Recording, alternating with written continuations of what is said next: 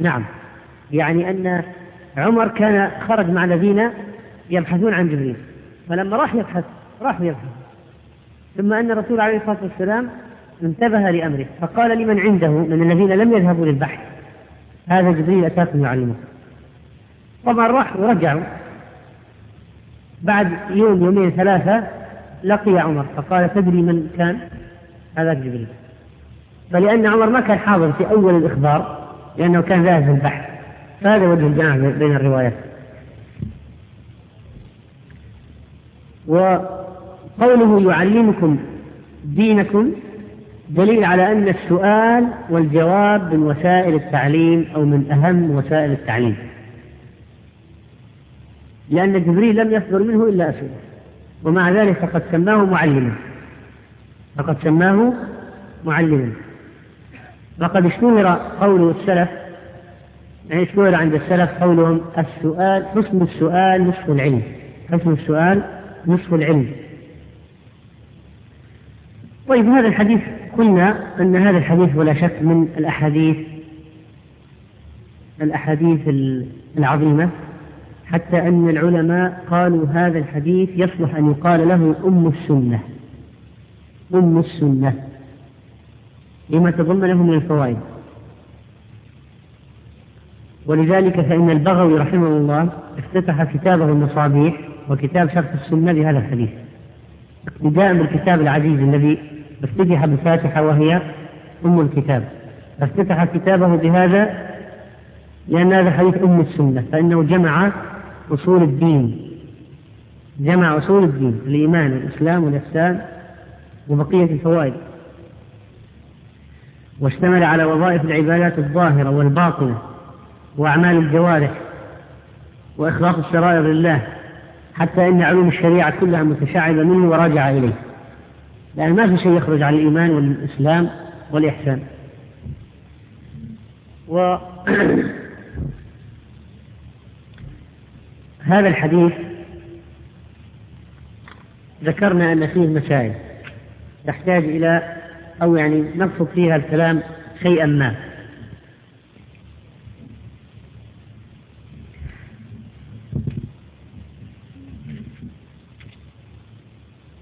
ولعل لعلنا نتكلم عن الفرق بين الإسلام والإيمان النقطة الأولى. الفرق بين الإسلام والإيمان. طبعا هذا الكلام هذا مبحث خاض فيه الناس وتكلموا واختلفوا. هل الإسلام والإيمان شيء واحد وأنهما أمران مختلفان؟ وما وجه العلاقة بينهما؟ هل أحدهما أعم من الآخر؟ فنحن لا نستطيع أن نحكم حتى نرجع إلى النصوص الشرعية التي تعرف هذا وهذا. فإذا جئنا إلى الإسلام في هذا الحديث فإننا نجد أن النبي صلى الله عليه وسلم فسر الإسلام بالأعمال الظاهرة أو بالأعمال الباطنة؟ بالأعمال الظاهرة. فسر الإسلام بالأعمال الظاهرة مثل الصلاة والصيام والزكاة والحج والعمرة وغسل الجنابة والوضوء ونحو ذلك. وأعمال الإسلام منقسمة إلى أعمال بدنية وإلى أعمال مالية وإلى أعمال تجمع بين البدن والمال. فالأعمال البدنية مثل إيش؟ الصلاة. والصيام والجهاد أو الصلاة والصيام. طيب. والأعمال البدني المالية مثل الزكاة. والأعمال التي يشترك فيها البدن والمال الحج وحتى الجهاد يمكن أن يشترك فيه البدن والمال لكن الحج أكثر. الحج أكثر لأنه قد يجاهد من بيت مال المسلمين أو يكون سلاحه منهم وراتبه منهم. فكل من أتى بمباني الإسلام الخمسة المنصوص عليها في الحديث صار مسلما مع إقراره بالشهادتين. صار في الحكم نحكم عليه أنه مسلم. إذا دخل في الشهادتين ماذا نقول له؟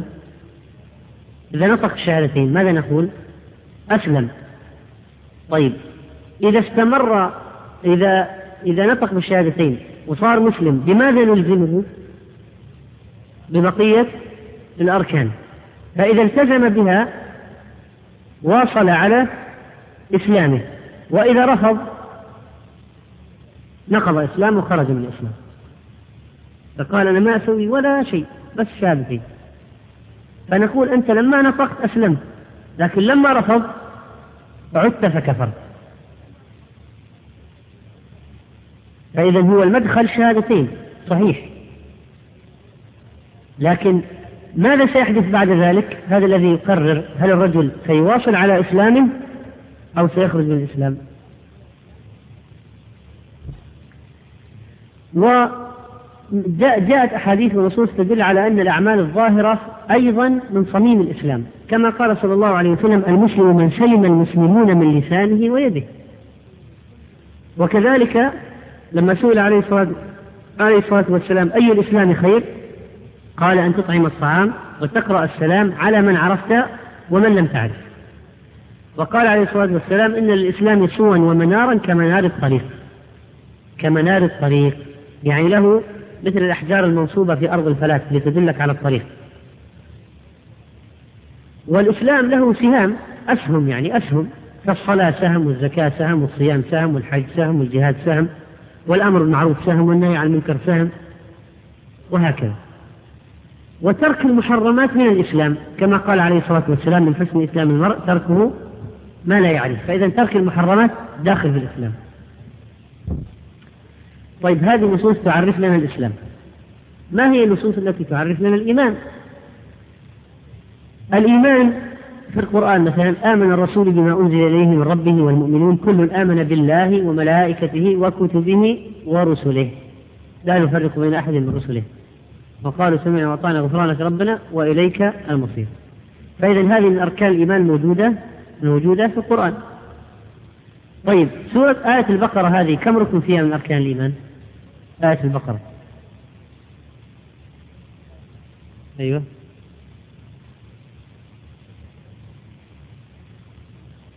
ها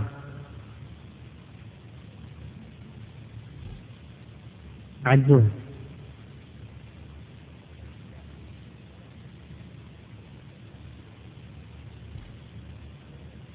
لا. نعم.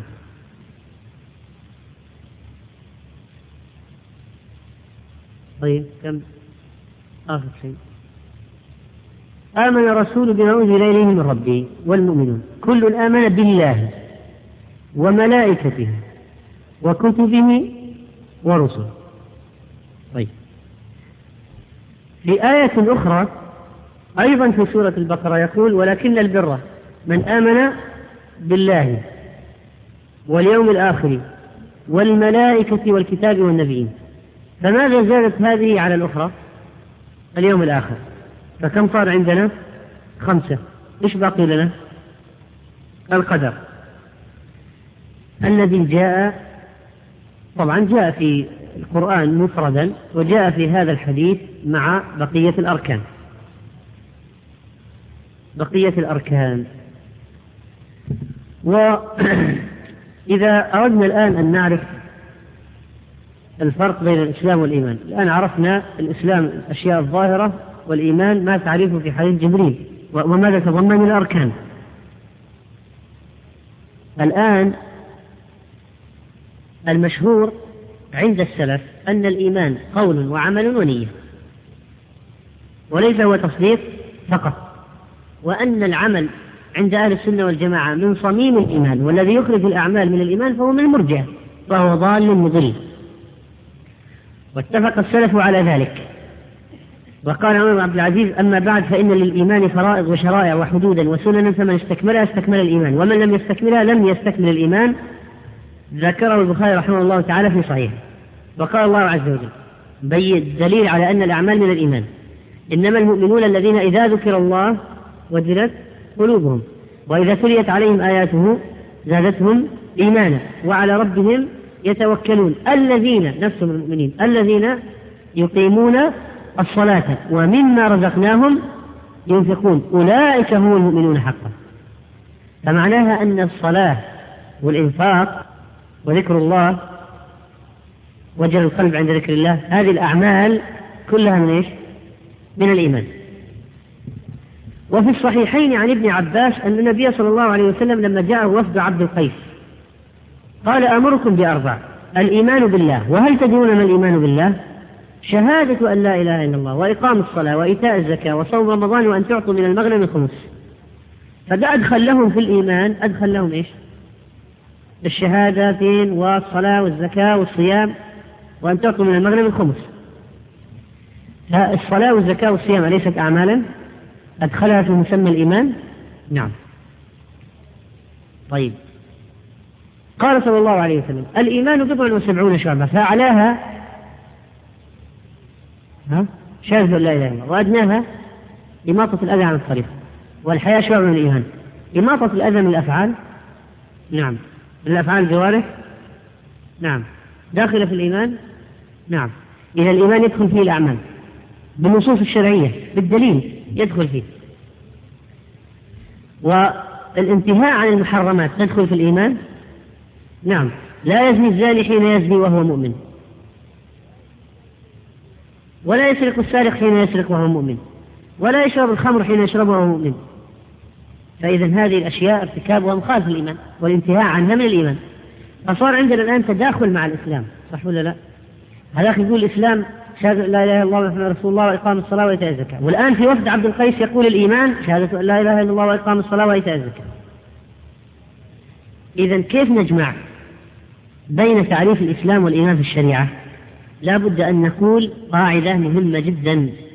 قاعدة مهمة جدا وهي أن الأسماء التي وردت بها الشريعة من الأسماء ما يكون شاملا لمسميات متعددة عند إفراده وإطلاقه. فإذا قرن ذلك الاسم بغيره صار دالا على بعض تلك المسميات والاسم المقرون به دالا على الباقي. ما توضيح هذا الكلام؟ توضيحه أن الإسلام والإيمان في دلالتهما على الأعمال شيء واحد شيء واحد. لكن إذا اجتمعا دل الإسلام على شيء والإيمان على شيء. إذا اجتمع في جملة واحدة وعبارة واحدة فإن الإسلام يدل على أشياء والإيمان يدل على أشياء أخرى. ولذلك العلماء يقولون إذا اجتمع افترقا وإذا افترقا اجتمعا يعني إذا افترقا في النصوص صار معناهما واحد ودلالتهما واحدة. فالإسلام هو كل شيء والإيمان هو كل شيء. أما إذا افترقا إذا افترقا صار واحد في نص والآخر في نص آخر فإنه نفس المعنى. وإذا اجتمع في نص واحد صار افترق في المعنى. واحد يدل على أشياء والآخر يدل على أشياء. فالإسلام يدل على الأمور الظاهرة. إذا كانوا في نفس النص الإسلام على الأمور الظاهرة والإيمان على الأمور الباطنة. والإيمان على الأمور الباطنة. فالإيمان لا شك أنه قول وعمل والإسلام أيضا الإسلام أيضا و لاحظ الحديث الذي جاء عن عمرو بن عبسة. قال جاء رجل إلى النبي صلى الله عليه وسلم فقال يا رسول الله ما الإسلام؟ قال أن تسلم قلبك لله وأن يسلم المسلمون من لسانك ويدك. قال فأي الإسلام أفضل؟ قال الإيمان. قال وما الإيمان؟ قال أن تؤمن بالله وملائكته وكتبه ورسله والبعث بعد الموت. قال فأي الإيمان أفضل؟ قال الهجرة. قال فما الهجرة؟ قال أن تهجر السوء. قال فأي الهجرة أفضل؟ قال الجهاد. فجعل النبي عليه الصلاة والسلام الإيمان داخل في الإسلام داخل في الإسلام فإذا نقول إن المصطلحات الشرعية بعض المصطلحات الشرعية إذا اجتمعت في جملة واحدة فسرنا هذا بشيء وهذا بشيء هذا بجزء وهذا بجزء آخر. وإذا انفرد كل واحد منهما في عبارة كل واحد منهما في آية كل واحد منهما في حديث صاروا في حديثين منفصلين فإن المعاني تتطابق فإن المعاني تتطابق. وبذلك يزول الإشكال. وبذلك يزول الإشكال. فإذا قلت الإيمان هو تصديق القلب وإقراره ومعرفته والإسلام هو استسلام العبد لله وخضوعه المعنى نفس نفس الشيء. والإسلام والإيمان هما الدين هما الدين. و آه، جاء في دعائه صلى الله عليه وسلم اللهم من أحييته منا فأحيه على الإسلام ومن توفيته منا فتوفه على الإيمان. اجتمع في نص واحد؟ نعم. ماذا يجب أن نعمل؟ نقول الإسلام له معنى والإيمان له معنى آخر. طيب من أحييته منا فأحييه على الإسلام ومن توفيته منا فتوفوا على الإيمان. ما معنى الإسلام إذن؟ الأعمال الظاهرة. يعني أحييه على عمل الجوارح. طيب عند الموت هل يمكن أن يعمل عمل الجوارح خلاص ما ينفعه إلا الذي في قلبه. هذا معنى قوله فتوفوا على الإيمان. فإذا اجتمع في نص واحد صار الإسلام هو أعمال الجوارح والإيمان هو عمل القلب. وإذا افترق كل واحد في نص صار المعنى متطابق. صار المعنى واحد. صار المعنى واحد. فإذا طيب لو قلت لك قال الله عز وجل قالت الأعراب آمنا. قل لم تؤمنوا ولكن قولوا أسلمنا. الآن المعنيين واحد ولا مختلف؟ مختلف. لماذا؟ اجتمع في نص واحد. فلا بد أن نقول أن الإسلام أن الإسلام هو الأعمال. والإيمان ما وقر في القلب. ويتميز به الناس. بعضهم يكون إيمانه قوي بعضهم يكون إيمانه ضعيف. بعضهم يكون إيمانه ضعيف. على أي حال هذا يعني من الإيضاح لمسألة الإيمان والإسلام. وبقيت قضية موضوع القضاء والقدر. وأشراط الساعة لمحة سريعة جدا عن أشراط الساعة في يوم السبت إن شاء الله. ونتابع وندخل في الحديث الذي يليه. والله أعلم وصلى الله وسلم على نبينا محمد.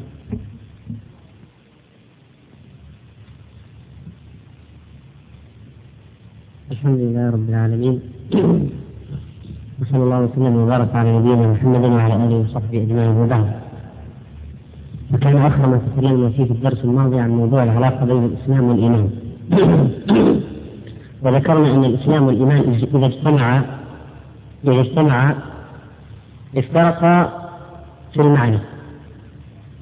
سيكون الإيمان المقصود به كما كما جاء في حديث ضعيف السند صحيح المعنى الإسلام علانية والإيمان في القلب. من جهة حصولهما إذا حصل واجتمعا ماذا يكون معنى كل واحد منهما؟ فالإسلام يكون بمعنى الأعمال الظاهرة والإيمان يكون بمعنى الأعمال الباطنة. نعم. الأعمال الباطنة. وكان صلى الله عليه وسلم يقول في دعائه اللهم من أحييته منا فأحيي على الإسلام ومن توفيته منا فتوفه على الإيمان. لأن عند الموت ليس ثم إلا الأعمال إيش؟ الباطنة. لا يستطيع أن يعمل أعمالا ظاهرة وهو في الاحتضار و كل مؤمن من هنا جاءت العبارة المشهورة كل مؤمن مسلم. كل مؤمن مسلم لأن الإيمان إذا رسخ في القلب فلا بد أنه يتبعه الأعمال الظاهرة. فإن القلب مضغة إذا صلحت صلح الجسد كله. وإذا فسدت فسد الجسد كله. فإذا الإيمان الذي في القلب يؤدي إلى اندفاع الجوارح للعمل. بينما ليس كل مسلم مؤمن بعدة اعتبارات أشهرها وأهمها ليس كل مسلم مؤمن لأن الإنسان الذي يقوم بالأعمال الظاهرة لا يشترط أن يكون الإيمان الذي في قلبه عظيما وكبيرا بحيث نطلق عليه لقب مؤمن أو اسم الإيمان. قالت الأعراب آمنا ادعوا الإيمان قل لم تؤمنوا. ما وصلتم إلى مستوى الإيمان لكن قولوا أسلمنا. ولما يدخل الإيمان في قلوبكم الإيمان ما دخل في قلوبكم بعد فلماذا تدعوا الإيمان؟ هل هؤلاء كفار؟ الصحيح أنهم مسلمين عندهم أعمال ظاهرة أعمال المسلمين هذا هو الصحيح. لكن إيمانهم ضعيف ما وصلوا إلى مرحلة يطلق عليهم مؤمنين. ولذلك قال الله عز وجل وإن تطيعوا الله ورسوله لا يلدكم من أعمالكم شيئا لا ينقصكم فهم معهم أصل الإيمان أصل الإيمان موجود الذي تقبل به الأعمال. لكن ما وصلوا إلى مرحلة من الإيمان ورسخ في قلوبهم بحيث أنه يطلق عليهم ويستحقون كلمة المؤمنين. وقد كان صلى الله عليه وسلم حريصا على أن يبين هذا لأصحابه حتى لا يزكوا شخصا ليس بأهل للتزكية كما جاء عن سعد بن أبي وقاص أنه قال لما لا تعطي فلانا؟ أو لما تعطي فلانا وهو مؤمن؟ قال النبي صلى الله عليه وسلم أو مسلم. فقال فأعاد فعاد عليه الصلاة والسلام أو مسلم أو مسلم. لينبهه على أن هذا الرجل ما وصل إلى مرتبة الإيمان وإنما هو يقوم بالأعمال الظاهرة فهو مسلم. وفي الحديث حديث هذا بروايته التامة جاء عن سعد بن أبي وقاص أن رسول الله صلى الله عليه وسلم قسم قسما فقلت يا رسول الله أعطي فلانا فإنه مؤمن. فقال النبي صلى الله عليه وسلم أو مسلم؟ لو أنك قلت مسلم أو مسلم؟ أقولها ثلاثا ويرددها ثلاثا. ثم قال عليه الصلاة والسلام إني لأعطي رجل وغيره أحب إلي منه. مخافة أن يكبه الله في النار. يعني يفتتن بعدم إعطائي فيكبه الله في النار.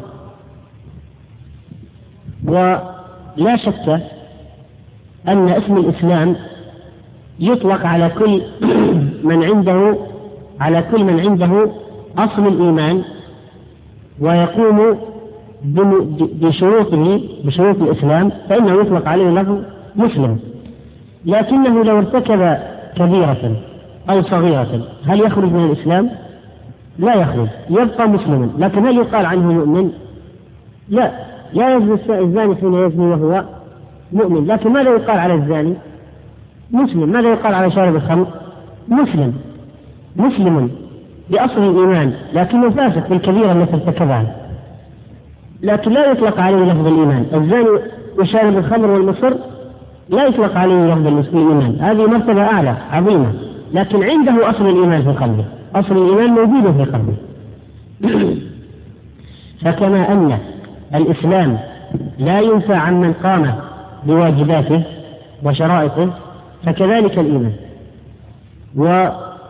وقال ابن رجب رحمه الله لا يعرف في شيء من السنة الصحيحة نفي الإسلام عن من ترك شيئا من واجباته. كما ينفى الإيمان عن من ترك شيئا من واجباته. الإيمان إذا اختل واجب من واجبات الستة هذه الشروط فقد الإيمان ضاع الإيمان انتهى. راح الإيمان بالكلية لكن واجبات الإسلام لو ترك واحدا منها لا يخرج عن الإسلام. طبعا إلا مسألة تارك الصلاة هذه فيها خلاف. من جهة أنه ليس هناك عمل تركه كفر عند كما يرى الصحابة إلا الصلاة. أما ترك الواجبات الأخرى لا يخرج الإنسان عن الإسلام. فإذا اسم الإسلام لا ينتفي إلا بوجود ما ينافيه. مثل رجل مثلا كفر أو أشرك. فيخرج عن الملة بالكلية.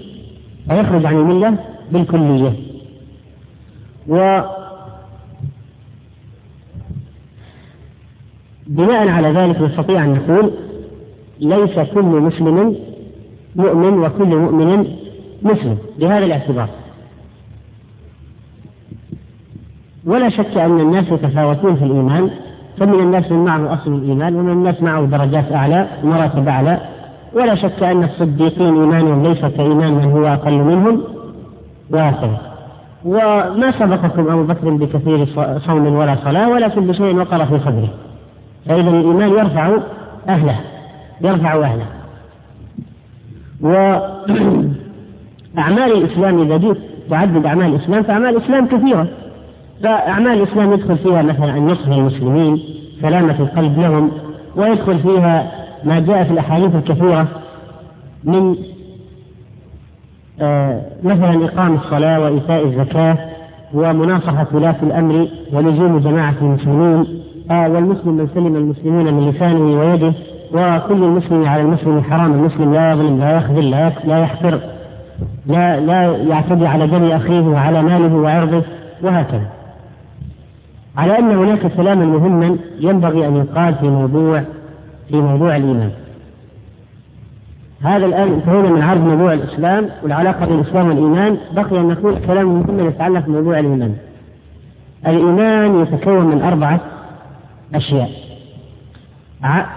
قول القلب وعمل القلب وقول اللسان وعمل الجوارح. كل هذه الأشياء داخلة في الإيمان. كل هذه الأشياء داخلة في الإيمان. فأما قول القلب فهو التصديق بالقلب.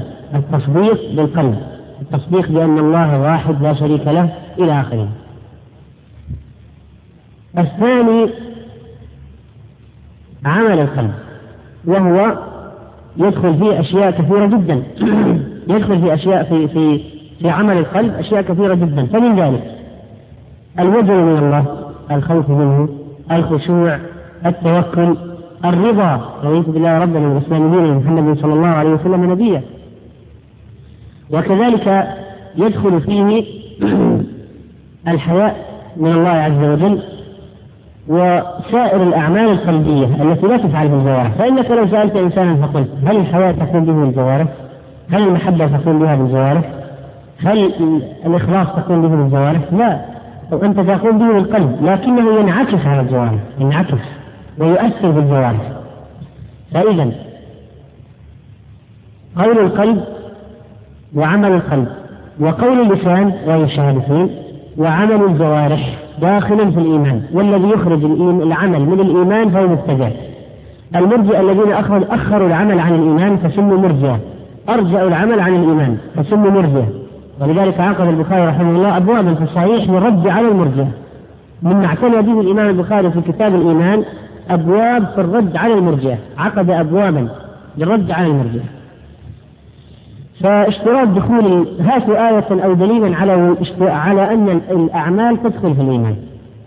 ذكرنا هذا في الدرس الماضي. آية أو دليل تدل على دخول العمل في الإيمان. نعم. وما كان الله ليضيع إيمانكم هذه نزلت في إيش؟ الصلاة تحويل القبلة. والناس الذين ماتوا قبل تحويل القبلة. كيف صلاتهم؟ تحسب ولا لا؟ وما كان الله ليضيع إيمانكم؟ وقال الله عز وجل إنما المؤمنون الذين إذا ذكر الله وجدت قلوبهم وإذا تليت عليهم آياته زادتهم إيمان وعلى ربهم يتوكلون. الذين يقيمون الصلاة ومما رزقناهم ينفقون. أولئك هم المؤمنون حقا. فهذه أعمال إقام الصلاة وإيتاء الزكاة هذه أعمال فأدخلها في الإيمان. فالذي يؤخر الإيمان العمل عن الإيمان فهو مبتدع. وهؤلاء هم المرجئة وهذا أساس الخلاف بين أهل السنة والمبتدعة قضية إدخال العمل في الإيمان وعدم إدخاله فيه.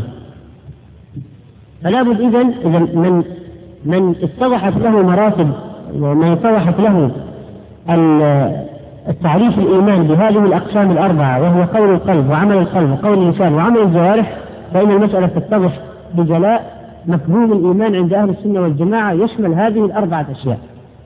مفهوم الإيمان لو صاح سألك ما هو مفهوم الإيمان عند أهل السنة والجماعة؟ يشمل هذه الأربعة أشياء. وليس هو مجرد تصديق بالقلب فقط. وإلا فإن فرعون صدق بقلبه وأبو جهل صدق بقلبه وإبليس مصدق بقلبه بوجود الله. لو قلت الإقرار بوجود الله الإقرار بوجود الله أقال به الناس الكفرة من المشركين أقروا بوجود الله. لكن بدون عمل ثم بالشرك فالذين يقولون أن الإيمان لا يضر شيء واحد لا يضره لا لا ينفيه شيء مهما مهما ترك من الاعمال الصالحة ومهما فعل من الشرك والمعاصي الإيمان لا يضره شيء وهذا من الضلال البعيد. وهذا إذا يعني نظرة سريعة فيما يتعلق بالأمور ما يتعلق بالإسلام والإيمان. ذكرنا أننا سنتكلم عن مباحث متعلقة بالقضاء والقدر لأن, لأن هذا ركن من الأركان الستة للإيمان الموجودة في الحديث.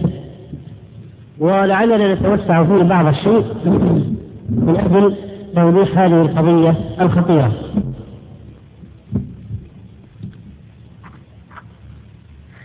أما القضاء والقدر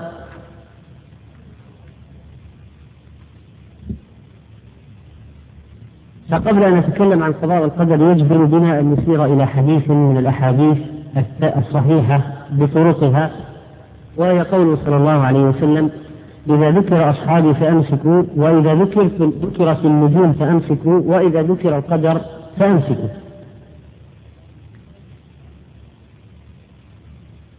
ما معنى قوله عليه الصلاة ما معنى قوله عليه الصلاة والسلام إذا ذكر القدر فأمسكوا؟ قبل أن ندخل في القدر. قد يجي واحد يحتج علينا قبل أن نتكلم في القدر. هذا حديث يقول إذا ذكر القدر فأمسكوا. فما معنى الإمساك؟ هل يقصد به عدم الكلام في القدر بالكلية أو أنه يقصد به نهي مخصوص عن نهي عن كلام مخصوص بموضوع القدر؟ فالجواب لا شك أن المنهي عنه في مسألة الكلام في القدر هو الخوض فيه بالباطل. هو الخوض فيه بالباطل. أما الذي يتكلم في موضوع القدر بالحق فلا شك أنه يصيب. كيف لا وقد جاءت الآيات بالكلام في القدر؟ وبيان مراتب القدر وجاءت السنة بذلك. ثم إن المبتدع لما تكلموا في القدر وتوسعوا فيه وجب علينا نحن أهل السنة أن نواجه باطلهم ونتكلم في القدر بما يدحض شبههم ويرد على باطلهم ويظهر حقنا وديننا وإيماننا لأن القدر ركن الإيمان بالقدر من أركان الإيمان. والحديث نفسه يدل على هذا المعنى وهو الإمساك عن الكلام بالباطل في القدر. وهو قوله عليه الصلاة والسلام إذا ذكر أصحابي فأمسكوا يعني إذا جاءت سيرة عمر أو أبو بكر خلاص ما نتكلم أبدا. لا وإنما النهي عن الكلام في شيء مخصوص مما يتعلق بالصحابة ألا وهو الفتنة بينهم مثلا أو شيء من معايبهم ومثالبهم نمسك ما نتكلم وكذلك القدر فإننا لا نخوض فيه بالباطل ولا نماري فيه.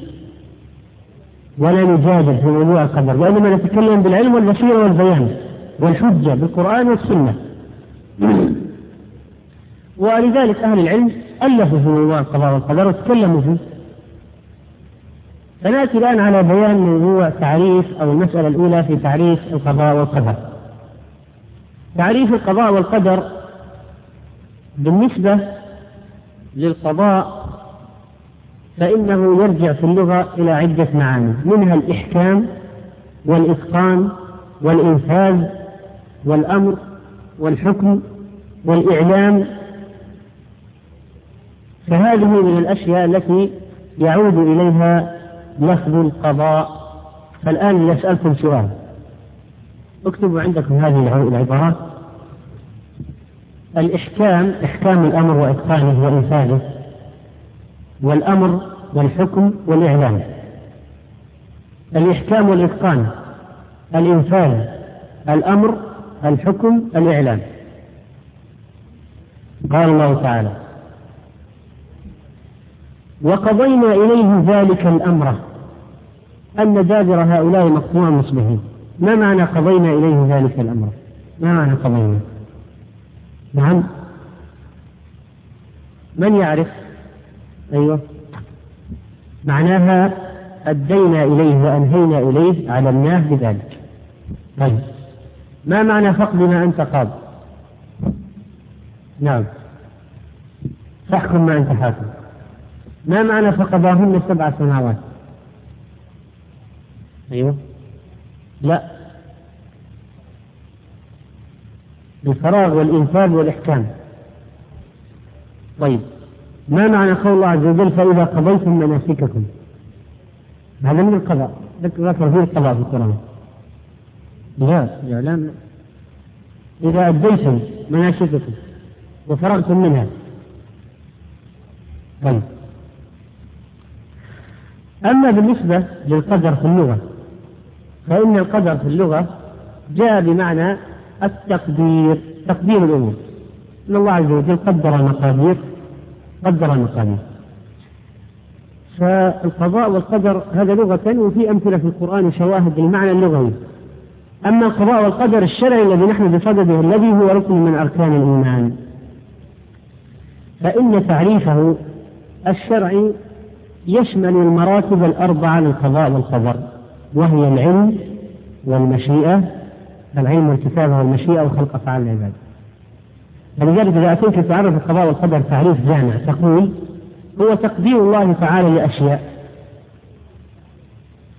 وعلمه بها سبحانه وكتابته لها ووقوعها على حسب ما قدر وهو خالق لها عز وجل.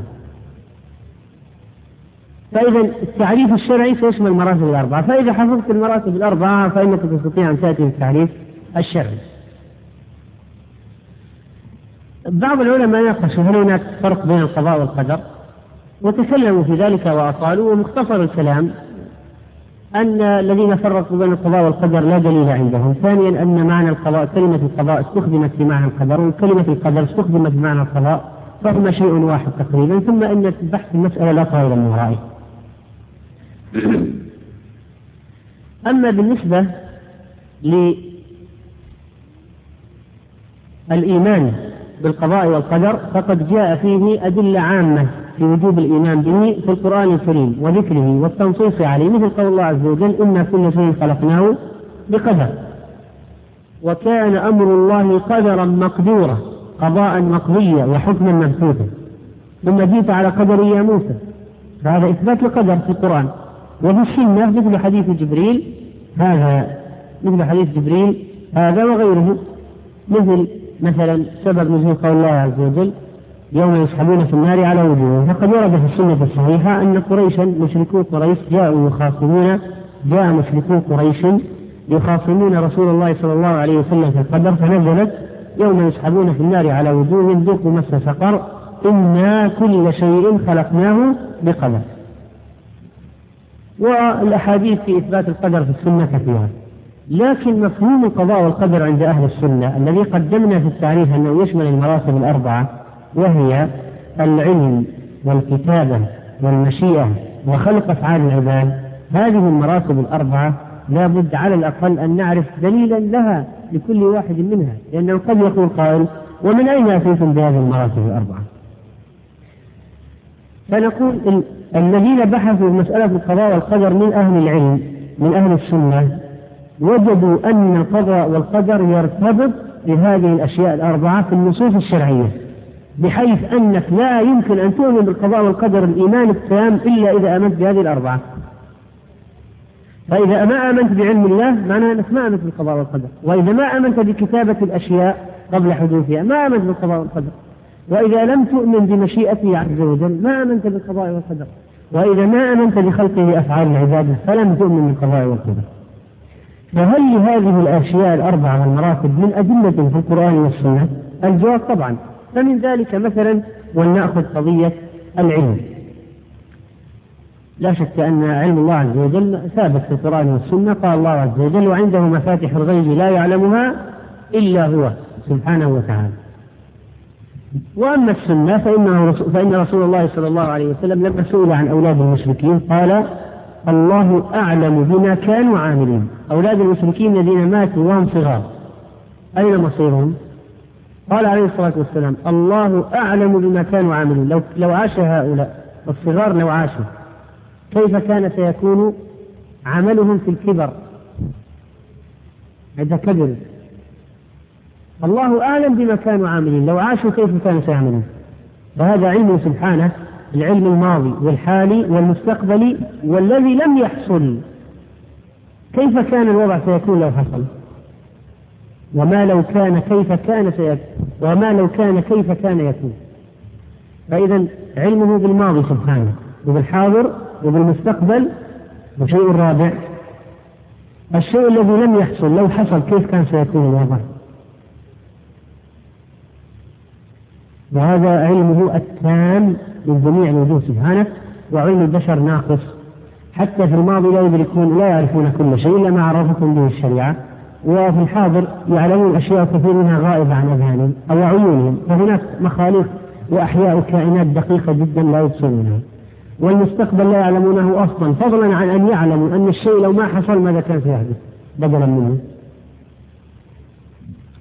أما مرتبة الكتابة وهي المرتبة الثانية من مراتب الإيمان بالقضاء والقدر عند أهل السنة والجماعة فإن الأدلة فيها كثيرة منها قول الله عز وجل ما فرطنا في الكتاب من شيء والكتاب هو اللوح المحفوظ على أحد الوجهين الكتاب هو اللوح المحفوظ وقد جاء الارتباط بين العلم والكتابة في آية من كتاب الله في آية تربط بين العلم والكتابة فما هي؟ هاتوا آية من القرآن فيها ذكر العلم والكتابة معا نعم. من بعد الذكر. وين العلم؟ هذه فيها ذكر الكتابة ولقد كتبنا في الزبور من بعد ذكر أن الأرض يرثها عباد الصالحين. هذا في الكتابة طيب في العلم والكتابة معا ما هي ذكر الكتابة؟ هي ذكر العلم. ألا يعلم من خلق؟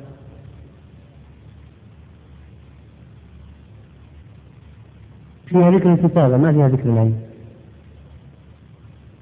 نعم. إن الله عنده علم الساعة. بالعلم هذه.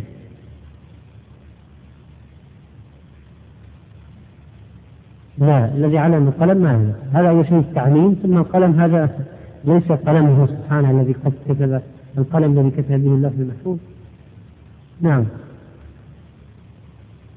لا فليكتب كما علمه الله ما له علاقة. هذه طبعا مو أي لفظ كتب وعلم تعني تقصد تؤدي المقصود.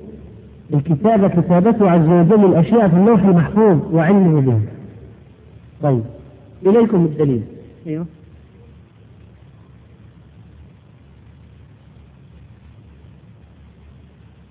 الرسول يعلم الناس الكتاب القرآن والحكمة السنة.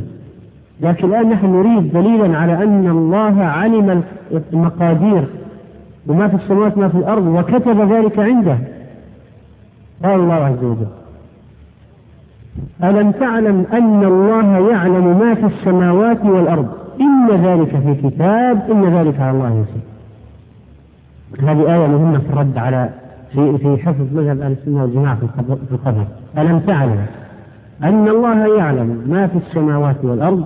إن ذلك في كتاب إن ذلك على الله يسير هذه الآية من أوضح الأدلة على علمه المحيط بكل شيء وعلى كتابة ذلك في اللوح المحفوظ. إن ذلك في كتاب. إن ذلك العلم الذي علمه الله في السماوات والأرض في كتاب. هذه الآية من سورة الحج. الآية رقم سبعين. فيها الدليل على أما من السنة فهاتوا دليلا على الكتابة. نحن الآن نتكلم في أي مرتبة؟ بالكتابة. ذكرنا دليل من القرآن. نريد دليل من السنة. على الكتابة. نعم. قال له اكتب فكتب ما هو كان يوم القيامة. كتب الله مقادير الخلائق قبل أن يخلق السماوات والأرض بخمسين ألف سنة وكان عرشه على الماء وأول ما خلق الله القلم فقال له اكتب فقال ربي وماذا أكتب؟ قال أكتب مقادير كل شيء حتى تقوم الساعة. وهذا قد جاء في حديث جيد حديث حديث صحيح. عن أبي حفصة قال قال عبادة بن الصامت لابنه يا بني إنك لن تجد طعم حقيقة الإيمان حتى تعلم أن ما أصابك لم يكن ليخطئك وما أخطأك لم يكن ليصيبك. سمعت رسول الله صلى الله عليه وسلم يقول إن أول ما خلق الله القلم فقال له اكتب. قال ربي وماذا أكتب؟ قال اكتب مقادير كل شيء حتى تقوم الساعة. يا بني سمعت رسول الله صلى الله عليه وسلم يقول من مات على غير هذا فليس منه. وفي رواية عن عبد الواحد بن سليم قال قدمت مكة فلقيت عطاء بن أبي رباح فقلت له يا أبا محمد إن أهل البصرة يقولون في القدر. قال يا بني أتقرأ القرآن؟ قلت نعم. قال فاقرأ الزخرف. قال فقرأت حامين والكتاب المبين إنا جعلناه قرآنا عربيا لعلكم تعقلون. وإنه في أم الكتاب لدينا لعلي حكيم. فقال أتدري ما أم الكتاب؟ قلت الله ورسوله أعلم. قال فإنه كتاب كتبه الله قبل أن يخلق السماوات وقبل أن يخلق الأرض. فيه إن فرعون من أهل النار وفيه تبت يد أبي لهب وتب. قال عطاء فلقيت الوليد بن عبادة بن الصامت صاحب رسول الله صلى الله عليه وسلم. فسألته ما كانت وصية أبيك عند الموت؟ قال دعاني أبي فقال لي يا بني اتق الله واعلم أنك لن تتقي الله حتى تؤمن بالله وتؤمن بالقدر خيره وشره. فإن مت على غير هذا دخلت النار. وإني سمعت رسول الله صلى الله عليه وسلم يقول إن أول ما خلق الله القلم الحجر ومن الأدلة أيضا على الكتابة في السنة أن رسول الله صلى الله عليه وسلم خرج على أصحابه يوما وفي يده كتابان. فقال أتدرون ما هذان الكتابان؟ فقلنا لا يا رسول الله. ألا إلا أن تخبرنا. قال فقال الذي في يدي اليمنى هذا كتاب من رب العالمين هذا حديث عظيم جدا جدا وهو من من الغيب الذي يجب الإيمان به. تصور الصحابة خرج عليهم الرسول عليه الصلاة والسلام ومعه كتابين فقال الذي في يدي اليمنى هذا كتاب من رب العالمين. فيه أسماء أهل الجنة وأسماء آبائهم وقبائلهم ثم أجمل على آخرهم فلا يزاد فيهم ولا ينقص منهم أبدا. ثم قال للذي في شماله وهذا كتاب من رب العالمين فيه أسماء أهل النار وأسماء آبائهم وقبائلهم ثم أجمل على آخرهم فلا يزاد فيهم ولا ينقص منهم أبدا. هذا يدل على أن الله عز وجل كتب المقادير كتب كل شيء. ما هي المرتبة الثالثة؟ المشيئة والإرادة. فأما مشيئته سبحانه وتعالى فقد وردت في القرآن والآيات كثيرة وما تشاءون إلا أن يشاء الله قل اللهم مالك الملك تؤتي الملك من تشاء الآية حتى الأنبياء أثبتوها في كلامهم كما قال نوح إنما يأتيكم به الله إن شاء وكما قال يوسف ادخلوا مصر إن شاء الله آمنين. وكما قال موسى ستجدني إن شاء الله صابرا. وأما السنة فإن الأحاديث الواردة فيها بالمشيئة كثيرة. كما قال صلى الله عليه وسلم قلوب العباد بين أصبعين من أصابع الرحمن يصرفها وتعالى. كقلب واحد يصرفه حيث يشاء. فهذا في إثبات المشيئة. أما المرتبة الرابعة المرتبة الرابعة وهي مرتبة خلق أفعال العباد يعني أن أفعالنا كلها مخلوقة. الله عز وجل خلقها بعد أن علمها وكتبها شاء أن تحدث وخلقها وأوجدها. هذه المرتبة التي وقع النزاع فيها بيننا وبين أهل البدعة على نطاق واسع. وهذه أكثر المراتب التي حصل فيها النقاش والخلاف بين أهل السنة ومخالفين. وهذه التي صنف لأجلها أهل العلم وصنف فيها البخاري رحمه الله كتاب خلق أفعال العباد لأجل الرد على المنحرفين من القدرية. طيب هاتوا دليلا من القرآن على أن الله عز وجل خلق أفعال العباد. أيوه. والله خلقكم وما تعملون. واضحة جدا الآية واضحة جدا. والله خلقكم وما تعملون. ما يحتاج آيات. في آيات في آيات أدلة أخرى لكن هذا الدليل إذا حفظته يكفي. ومن السنة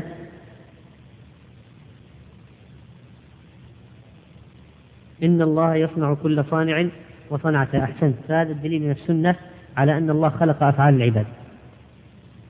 نعم؟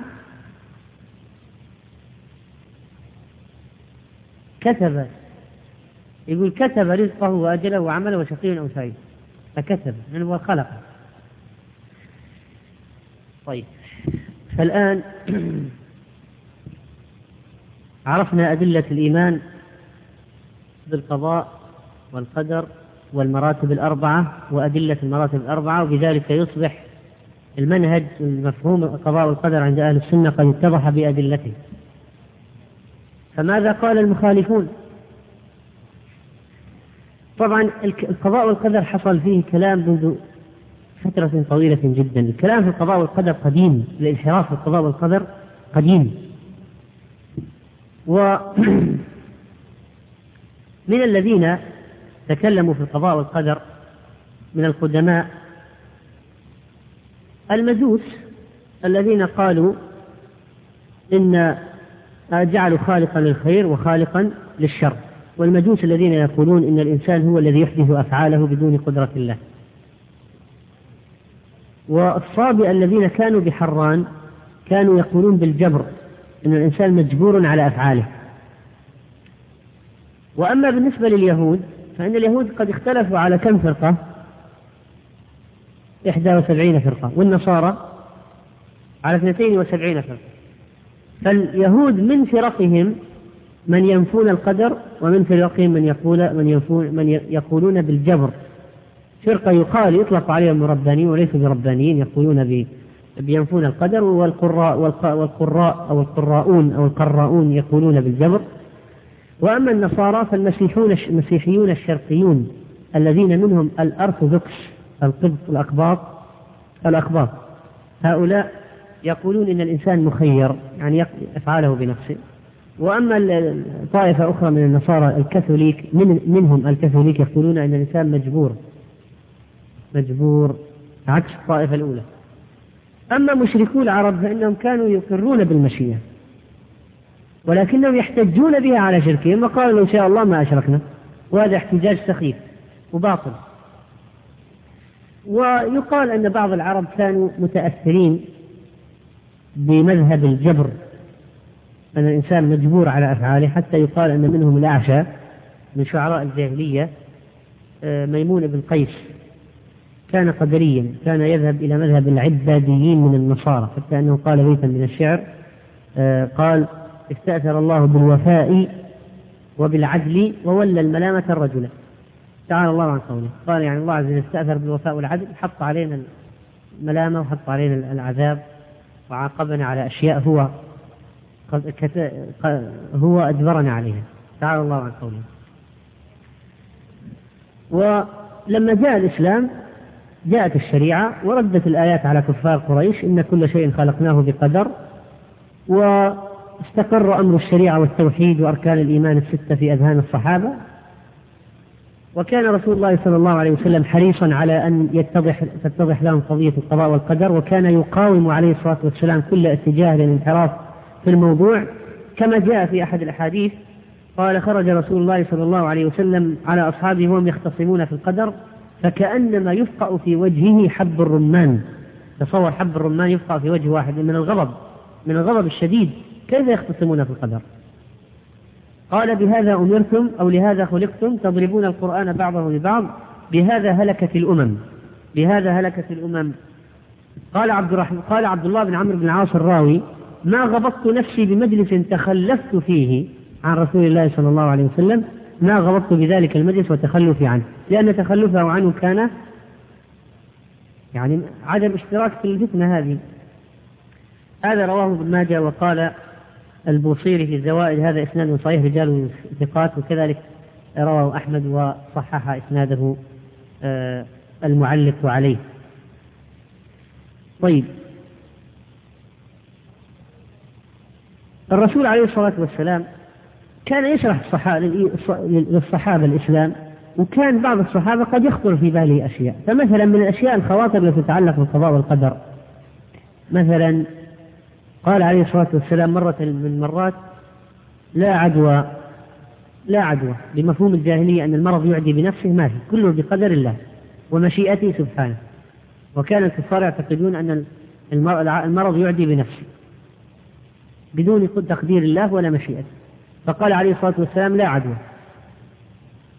فقال أحد الموجودين في المجلس قال قال أعرابي يا رسول الله البعير أجرب الحشفة ندبنه فيجرب الإبل كلها. ندخله في الإبل البعير الأجرب فيجرب الإبل كلها. قال عليه الصلاة والسلام فمن فمن أجرب الأول؟ أول بعير أصيب بالجرب. من وين؟ من بعير قبله قبله قبله طيب بالنهاية سنصل إلى البعير الأول. من الذي أجرب الأول؟ يعني لو كان المرض يعدي بنفسه فمن أجرب البعير الأول؟ فكان ردا مسكتا. صحيحا فقال عليه الصلاة والسلام في هذا الحديث لا عدوى ولا صفر. خلق الله كل نفس وكتب حياتها ورزقها ومصائبها. فكان يوضح لأصحابه أن هذه الأشياء مكتوبة وبقدر الله سبحانه وهذه أسباب مجرد أسباب. أما الخلق والتقدير والمشيئة والإرادة والعلم بذلك فهي من الله سبحانه وتعالى. واستمر الحال على ذلك وجاء عصر الراشدين الخلفاء وكان في الأمر في عهد أبي بكر وعمر مستقر وعمر كان شديدا على أهل البدعه وأي واحد يسوي له نفسه أن يتكلم أو يسبب إشكالات كما في قصة صبيغ بن عسل وبدأت بعد ذلك القضايا تنبغ وتم البدع أهل البدع يتبعون رؤوسهم. والحديث الذي معنا هذا اللي في صحيح مسلم الذي في صحيح مسلم هذا كان حدث على عهد الصحابة صح ولا لا؟ لما جاء اثنان قال لعبد الله بن عمر إن في البصرة أناس يقولون في القدر أن الأمر أنف ما في قدر ما كتب الله شيء. الأمر مستأنف. الله عز وجل لا يعلمه إلا بعد حدوثه. ما كتب الله شيء ولا علم شيء.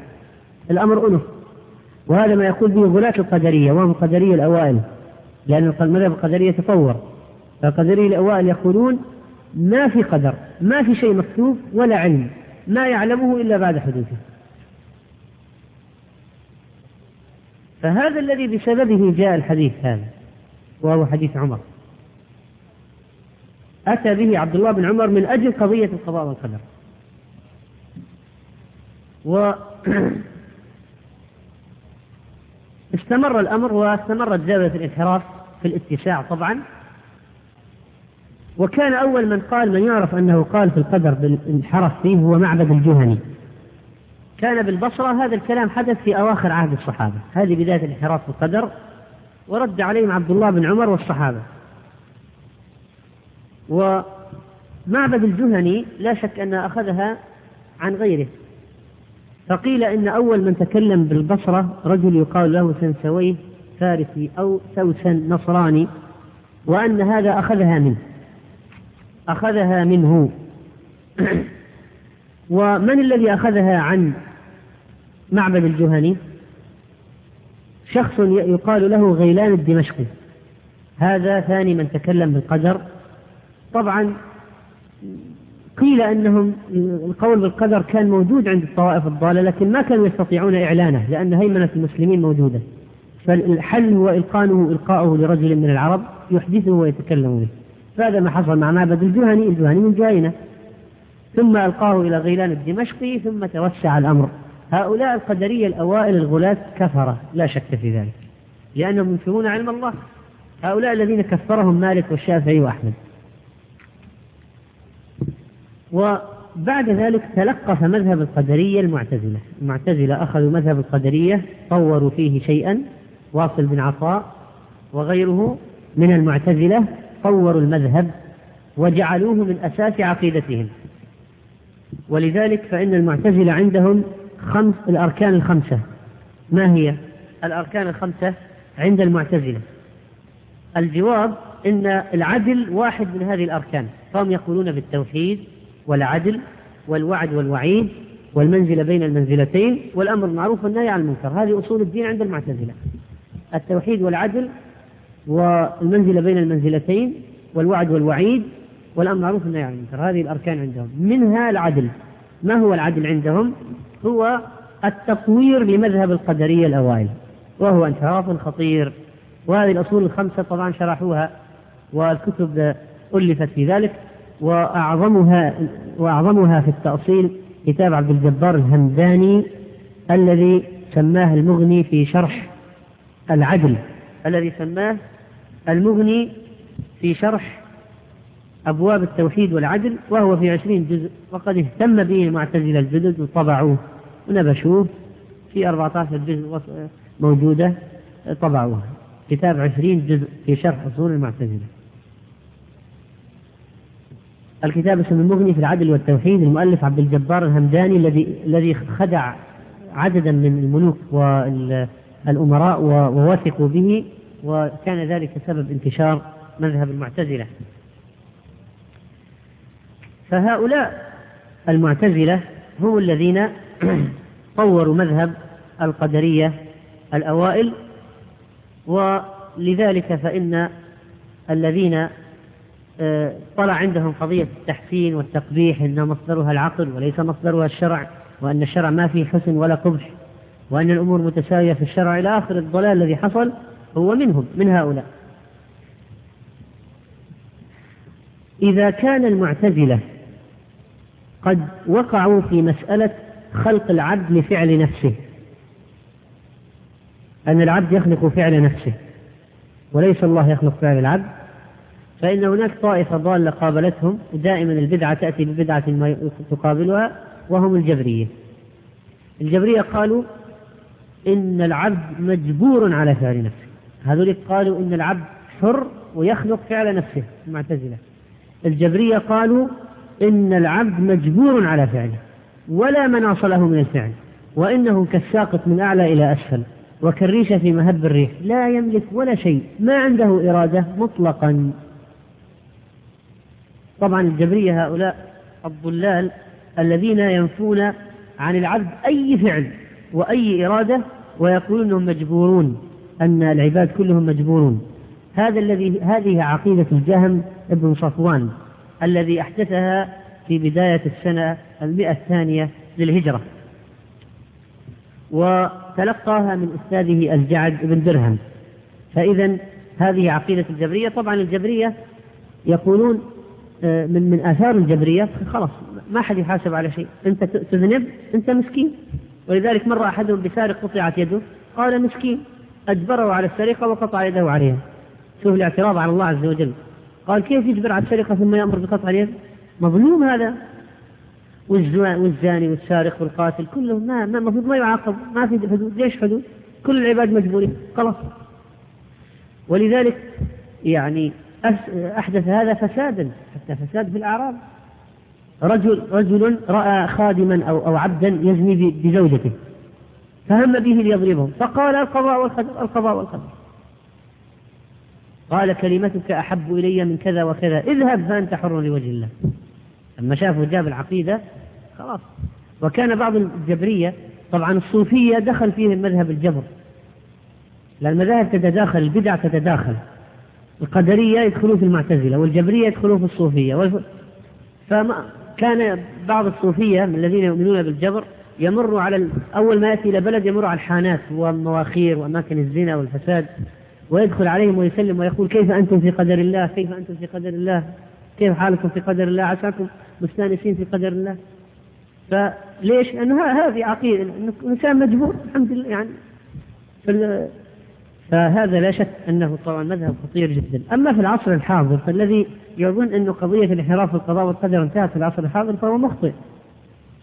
لأن العصر الحاضر المذاهب الموجودة فيه أصولها قديمة.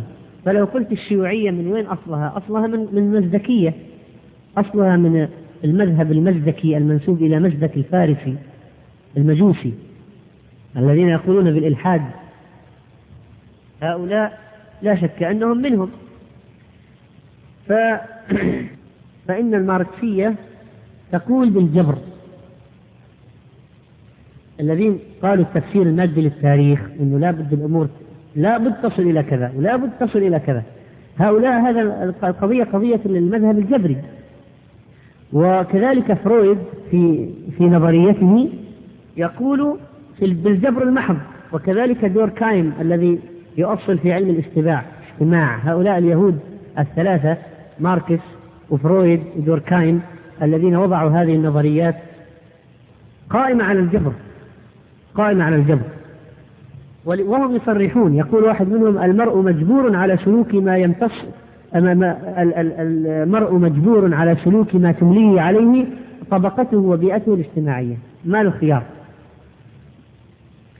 الجانب الآخر الوجودية التي وضع أسسها جان بول سارتر الذي عشق امرأة سيمون دي بوفوار واستمر معها عشيق طول حياته حتى هلك قبل فترة هذا رجل مذهبه الوجودية قائم على إيش؟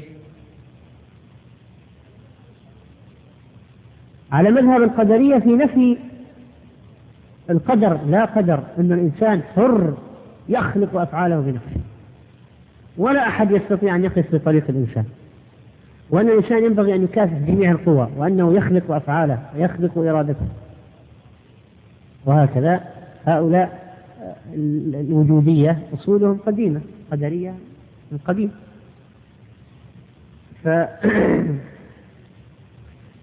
بالنسبة للمسلمين المعاصرين فطبعا هناك كتابات وانحرافات في القدر حصلت من نتيجة تأثر بالأقدمين. فهذا عبد الكريم عثمان ينصر مذهب المعتزلة ويثني عليهم ويمدحهم بما فيها قضية القضاء والقدر وهذا عدنان زرزور يرى وجوب نشر تراث المعتزلة الذين شوههم الأشاعرة. قال لازم نعيد نشر المذهب التراث وهذا مصطفى صبري شيخ الدولة العثمانية مع أن كان له مواقف جيدة الحقيقة في ضد ضد التيار العلماني الذي كان يسري في تركيا لكنه في قضية القضاء والقدر هو على مذهب الأشاعرة في القضاء والقدر. والشيخ محمد بخيت المطيعي مفتي الديار المصرية سابقا ألقى محاضرة عن القضاء والقدر أصل فيها مذهب الماتوريدية. وأما المدرسة العقلية في مصر فقد اضطربت أقوالهم في القضاء والقدر فبعضهم أيد مذهب الحرية في الاختيار مثل محمود شلتوت. وأما محمد عبده فهو مضطرب مرة يؤيد مذهب المعتزلة ومرة يؤيد مذهب الأشاعرة في القضاء والقدر. وأما القصيمي محمد عبد الله القصيمي الملحد الذي مات والعياذ بالله قبل فترة بسيطة يقول يعني ما هو القضاء والقدر عند هؤلاء القوم الذين يلقون بهذه التعاليم والأوهام بين المسلمين؟ زاعمين لهم أنها مما يوجبه الإيمان بهما. يقول إيش القضاء والقدر هذا الناس؟ ما في قضاء ولا قدر. فالانحراف إذا يعني قديم وحديث أيضا امتدادا للانحراف القديم. بقي أن نقول لو واحد قال ما هو مذهب الأشاعرة في القضاء والقدر؟ الأشاعرة حاولوا أن يتوسطوا بين الجبرية والقدرية لكن التوسط كان فاشلا. فقالوا نحن نقول أن فيه قدر من الله وعلم إلى آخره. وقالوا أننا نثبت للعبد فعل لكن الفرق بينه وبين أهل السنة دقيق. الأشاعرة يقولون للعبد فعل ضعيف لا يؤثر سموه الكسب. سموه كسبا. والأشاعرة هم الذين ابتكروا نظرية الكسب وطوروها. الفرق بينه وبينهم ما هو كبير. لا كبير في النتيجة لكن في أصله الفرق في قضية الكسب. نحن نقول هذه أشياء الله عز وجل قدرها كتبها شاءها خلق أفعالنا. وأعطانا قدرة وأعطانا حرية وأعطانا اختيار. أنت بيدك تزني أو ما تزني بيدك أن تشرب الخمر أو ما تشرب. إذا شرب الخمر هل يشعر بقوة وجاذبية ترغمه رغما عنه أن يشرب الخمر وهو لا يريد؟ ما يحصل. كذب. هذا نحن نقوله. عندنا حرية واختيار والله عز وجل قدر الأشياء. ومهما فعلنا باختيارنا فهو مكتوب سابقا وجرى في علم الله وحصل بقدرته ومشيئته والله خلقه. هذه عقيدة الله. الأشاعرة يقولون الكسب يعني العبد الله عز وجل خلق وقدر وشاء وعلم والعبد يكسب أفعاله والكسب هذا هو اختيار للعبد لكن ضعيف لا يؤثر. يعني يكون العبد له اختيار لكن ضعيف لا يؤثر. ونحن نقول العبد له اختيار لكنه يؤثر. أنت بإمكانك أن تفعل أو لا تفعل. فإذا هذه مسألة عقيدة القدر عند الأشاعرة الذين يقولون أو طوروا نظرية الكسب. و لا شك أن الجبرية الذين قالوا إن الله إن العباد لا قدرة لهم وأن الله جبرهم على أعمالهم لا شك أنهم ضلال. والمعتزلة الذين قالوا إن العباد يخلقون أفعالهم وأن الله لا يخلق أفعال العباد. لا شك أنهم ضلال والذين حاولوا التوفيق والتقريب بينهم من نظرية الأشياء من نظرية الكسب عند الأشاعرة أيضا على انحراف والمذهب الحق مذهب أهل السنة والجماعة الذي يثبت العلم والمشيئة والكتابة وخلق أفعال العباد وأن للعبد اختيار وأن وأن له حرية في فعله ولكن عندما يفعل الفعل يعلم يعلم بأن هذا ما كتبه الله وهذا ما قدره الله وهذا ما خلقه الله وشاءه وعلمه في الأجل. فهذه إذا يعني ما نبذا ما يتعلق بموضوع عقيدة القضاء والقدر عند أهل السنة والجماعة وعند المخالفين. فهل المسألة تتعلق بالقضاء والقدر قبل الانتقال إلى شيء آخر؟ نعم. نعم؟ قول صدفة يعني إنما الأعمال بالنيات إذا كان يقصد صدفة يعني من غير موعد. ولكن بتقدير الله. لكن الصدفة ليست عند يعني عند الله أن الشيء صار صدفة بدون علمه وتقديره. لا ولكن صدفة عندنا نحن. قابلت فلان مصادفة يعني بدون تخطيط مني أنا لكن بقدر الله. فليس فيها بأس الكلمة ليس فيها بأس. نعم. الاحتجاج احتجاج القدرية بالمعصية أو الجبرية طبعا بالمعصية يقولون القدر مكتوب علينا. فالله عز وجل نهى على المشركين نهى على المشركين احتجاجهم بالقدر. قالوا لو شاء الله ما أشركنا. الله عز وجل بين أن حجتهم متهافتة وأن كلامهم باطل. وليش؟ لأن لنا حرية نحن لنا حرية نستطيع لنا اختيار. الله عز وجل بين لنا طريق الخير وطريق الشر. اعملوا فكل ميسر لما خلق له. فأما أهل الجنة فييسرون لعمل أهل الجنة وأما أهل النار فييسرون لعمل أهل النار. لكن أهل الجنة وأهل النار عندهم حرية في الدنيا واختيار. فمن شاء فليؤمن ومن شاء فليكفر. فإذا الاختيار موجود. فإذا أعطاك الله اختيار كيف تعترض عليه بالقدر؟ متى تعترض بالقدر؟ لما ما يكون عندك اختيار. تعترض بالقدر. والله أنا ما يا ربي أنا أنت كتبت علي وأنا ما ما عندي اختيار. لكن أنزل إليك كتابا وأرسل إليك رسولا وأعطاك اختيارا وإرادة وقدرة ثم تقول تحتاج بالقدر؟ واضح يا جماعة؟ كيف الرد عليهم ليس صعبا. رد على الذين يحتجون بالقدر. هذه مسألة شرحناها في كتاب التوحيد احتجاج آدم موسى ذكرنا فيها أن آدم عليه الصلاة أي آدم عليه السلام وموسى عليه السلام موسى ما اعترض على على على آدم في قضية الأصل وأن آدم تاب إلى الله عز وجل ولا يمكن الاعتراض على مذنب يقال له أنت واحد تاب. قالوا لماذا وقعت في الذنب؟ لأن هذا تاب. تاب إلى الله سبحانه وتعالى. فعلى حال هذا هو موضوع نعم. ما في شك. أحسنت هذا سؤال. هذا سؤال مهم وجيد. إذا واحد عمل معصية هل يؤمن بالقضاء والقدر؟ هل يرضى؟ سؤال هل يرضى بالقضاء والقدر؟ واحد عمل معصية وقعت خلاص. هل يؤمن بقضاء الله وق... هل يرضى بقضاء الله وقدره؟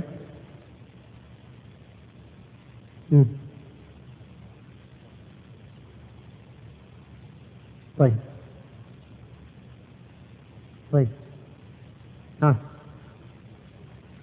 ما في إيه ولا لا؟ اللي يقول أيوة أو لا جواب خطأ.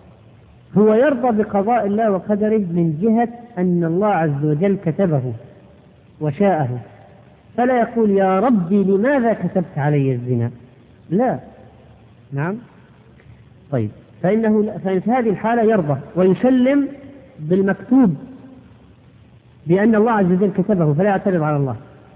لكنه لا يرضى بحال نفسه ولا يرضى بالمعصية ولا يقرها بل إنه ينبغي عليه أن يبغضها ويكرهها أن يبغضها ويكرهها ويسعى في التوبة لكي يمحو السيئات التي ترتبت عليها.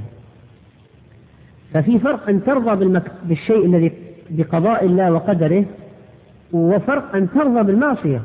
تقول خلاص أنا ما علي شيء.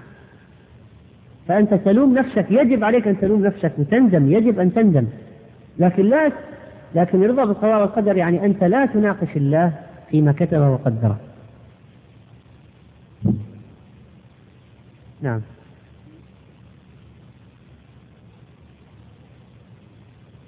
طيب ما أصابك من سيئة فمن نفسك. وفي آية ثانية أن السيئة من, من الله. فكيف نجمع؟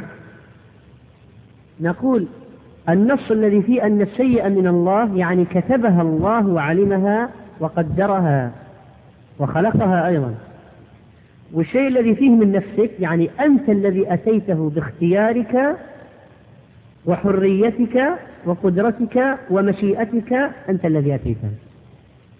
فهي من جهة أن الله كتبها خلقها وقدرها فهي سيئة من الله. وإذا جئت من جهة أنها من عملك أنت وبما قدمت يداك وباختيارك فهي من نفسك. واضح الآن التوفيق كيف كيف نجمع بين آيتين طيب. نعم.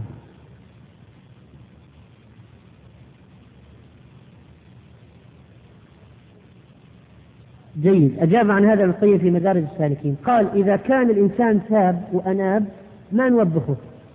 وإنما نقول وإنما نقول مثل ما قال آدم. يعني لو واحد تاب إلى الله وجاء واحد يقول ليش سويت أنت كذا أنت كذا هو تاب وأناب. فيقول له كما قال آدم لموسى. لكن إذا كان الإنسان مذنب ما زال مصرا على الذنوب فماذا نفعل في هذه الحالة؟ نلومه على تقصيره. ولا نقول له يا أخي معليش خلاص ارضى بالقضاء والقدر بسيطة. يعني أنت إيش بيدك أصلا؟ لأن هذا الكلام حق يوصل إلى باطل. صحيح أنه هذا بقضاء الله ما في شك لكن استخدامه والاحتجاج به هنا يوصل إلى باطل. مثل المشركين احتجوا بالمشيئة. كلامهم صحيح يعني لو شاء الله ما أشركنا صحيح. لو شاء الله ما أشركوا لكن أين الباطل؟ أنهم احتجوا به على أفعالهم هم السيئة. فيقال لهم صحيح أن الله أنكم لو شاء الله ما أشركتم ولو شاء الله لآمن في الأرض كلهم جميعا. لكن أنتم الذين أقيمت عليكم الحجة وعندكم الاختيار لماذا لم تؤمنوا؟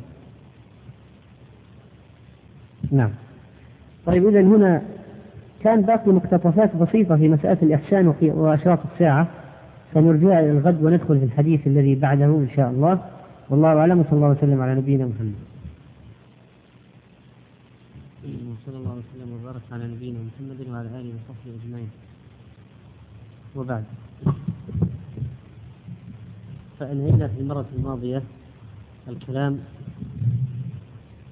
عن موضوع القضاء والقدر وهو الركن السادس من أركان الإيمان. وبقي لنا كلام عن موضوع الإحسان وأشراط الساعة و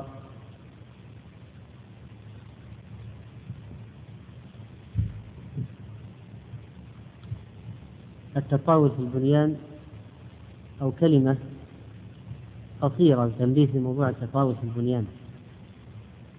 أما ما يتعلق بموضوع الإحسان فإن الإحسان الوارد الذي ورد تعريفه في هذا الحديث بقوله صلى الله عليه وسلم أن تعبد الله كأنك تراه فإن لم تكن تراه فإنه يراك.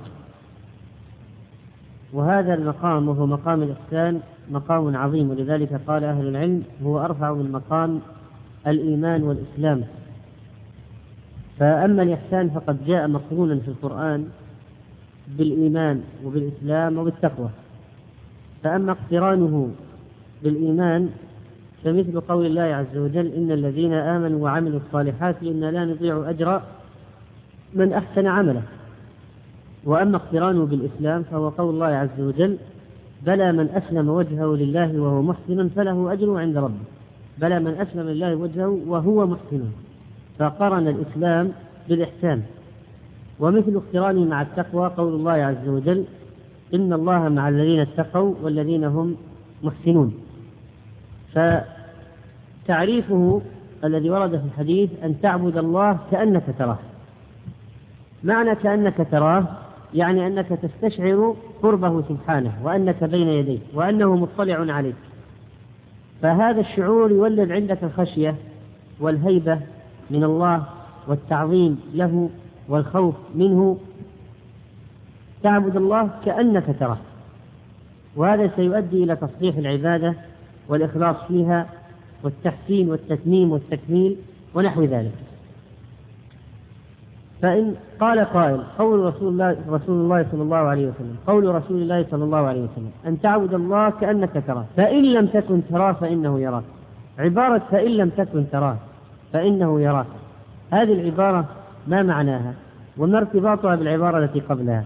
هل هي عبارة تعليلية لما قبلها؟ هل المقصود بقوله اعبد الله كأنك تراه؟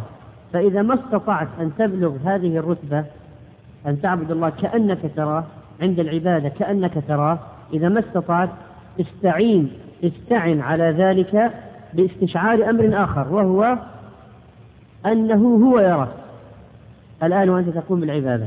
يعني لتصل إلى مرتبة أن تعبد الله كأنك أن تعبد الله كأنك تراه استعن على الوصول لهذه المرتبة بأن تستشعر أمرا آخر إذا ما استطعت الوصول إليها. وهو الأمر الآخر هذا أنه أنك تستشعر أنه يراك. هذه هذا معنى. المعنى الثاني لا المعنى الثاني أنه مرتبتين.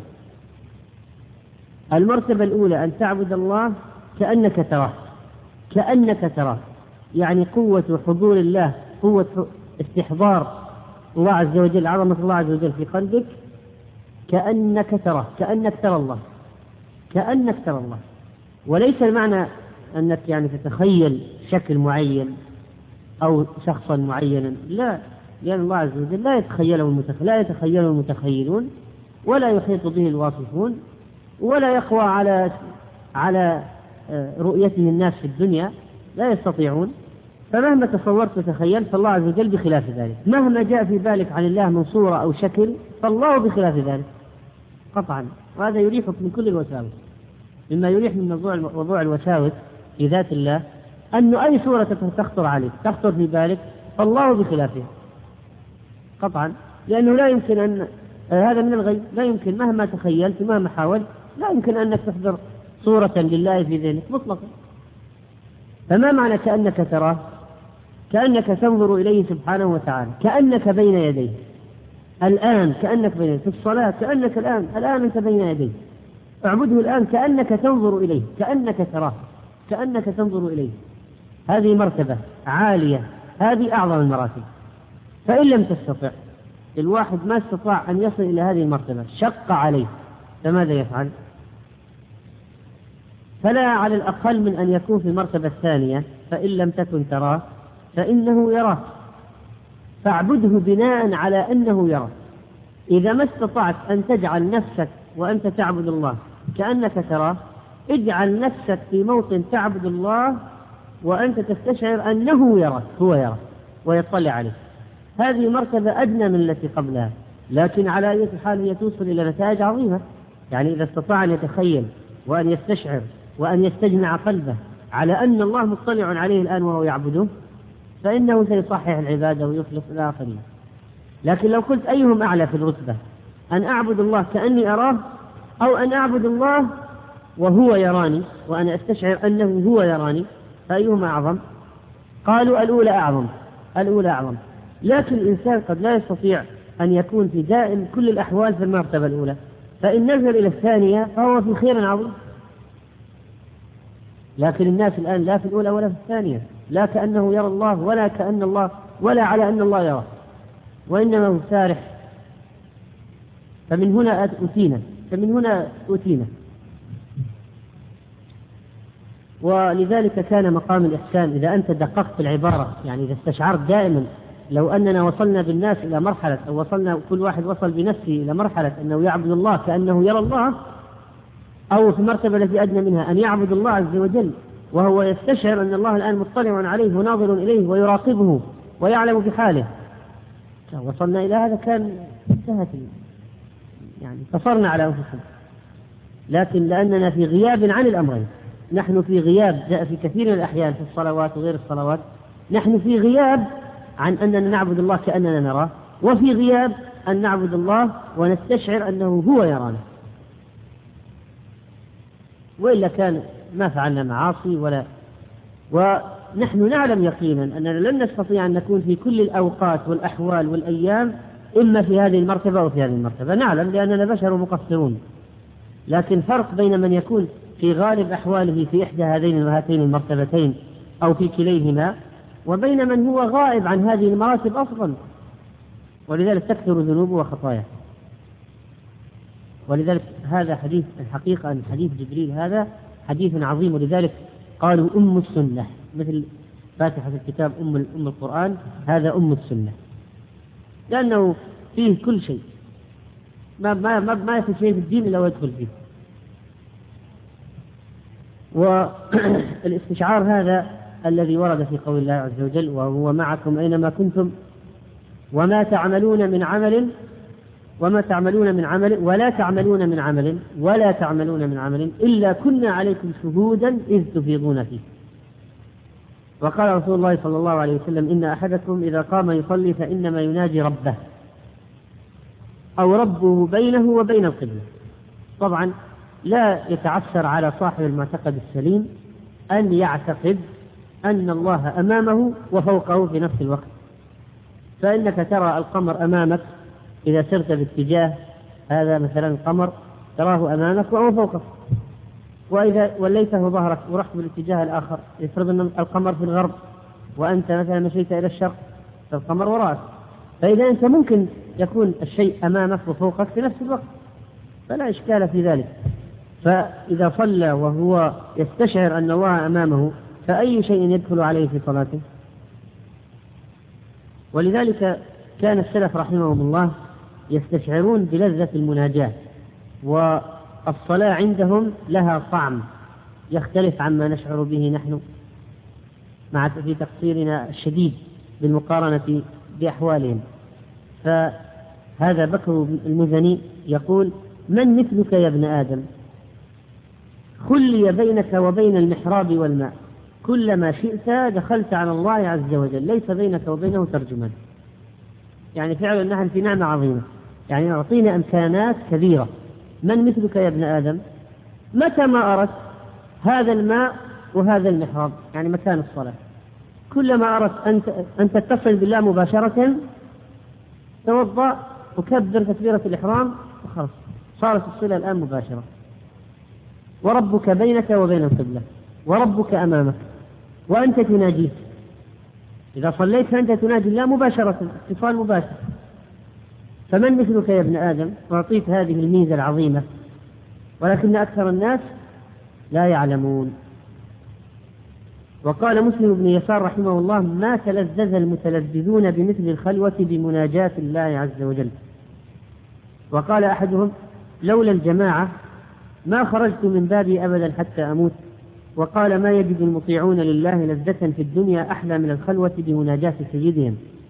ولا أحسب لهم في الآخرة من عظيم الثواب أكبر في صدورهم وألذ في قلوبهم من النظر إليه سبحانه وتعالى. فلولا الجماعة التي نصلي فيها ونجاهد فيها وندعو فيها لولا جماعة المسلمين التي لابد أن نكون معهم في صلاة الجماعة وكل مناسبة يقتضي فيها الجماعة لكان الانفراد بالله عز وجل ألذ شيء هو ألذ شيء ولما خرج الناس أو خرج هؤلاء عنه وأما بالنسبة لهذا المقام مقام الإحسان طبعا مقام عظيم. ولذلك نكتفي هذه تذكرة بسيطة في الموضوع ولكن ينبغي علينا أن نتمعن في المسألة وأن نعلم أن مدار صلاح الأعمال عليها كل الأعمال.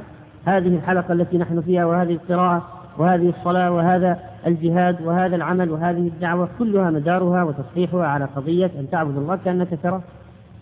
فإن لم تكن تراه فإنه يرى أما في موضوع أشراط الساعة فنحن ذكرنا في هذا في شرح الحديث أن رواية مسلم كم شرطا فيها من أشراط الساعة؟ مذكور. نعم. اثنان. ما هما؟ أن تلد الأمة ربتها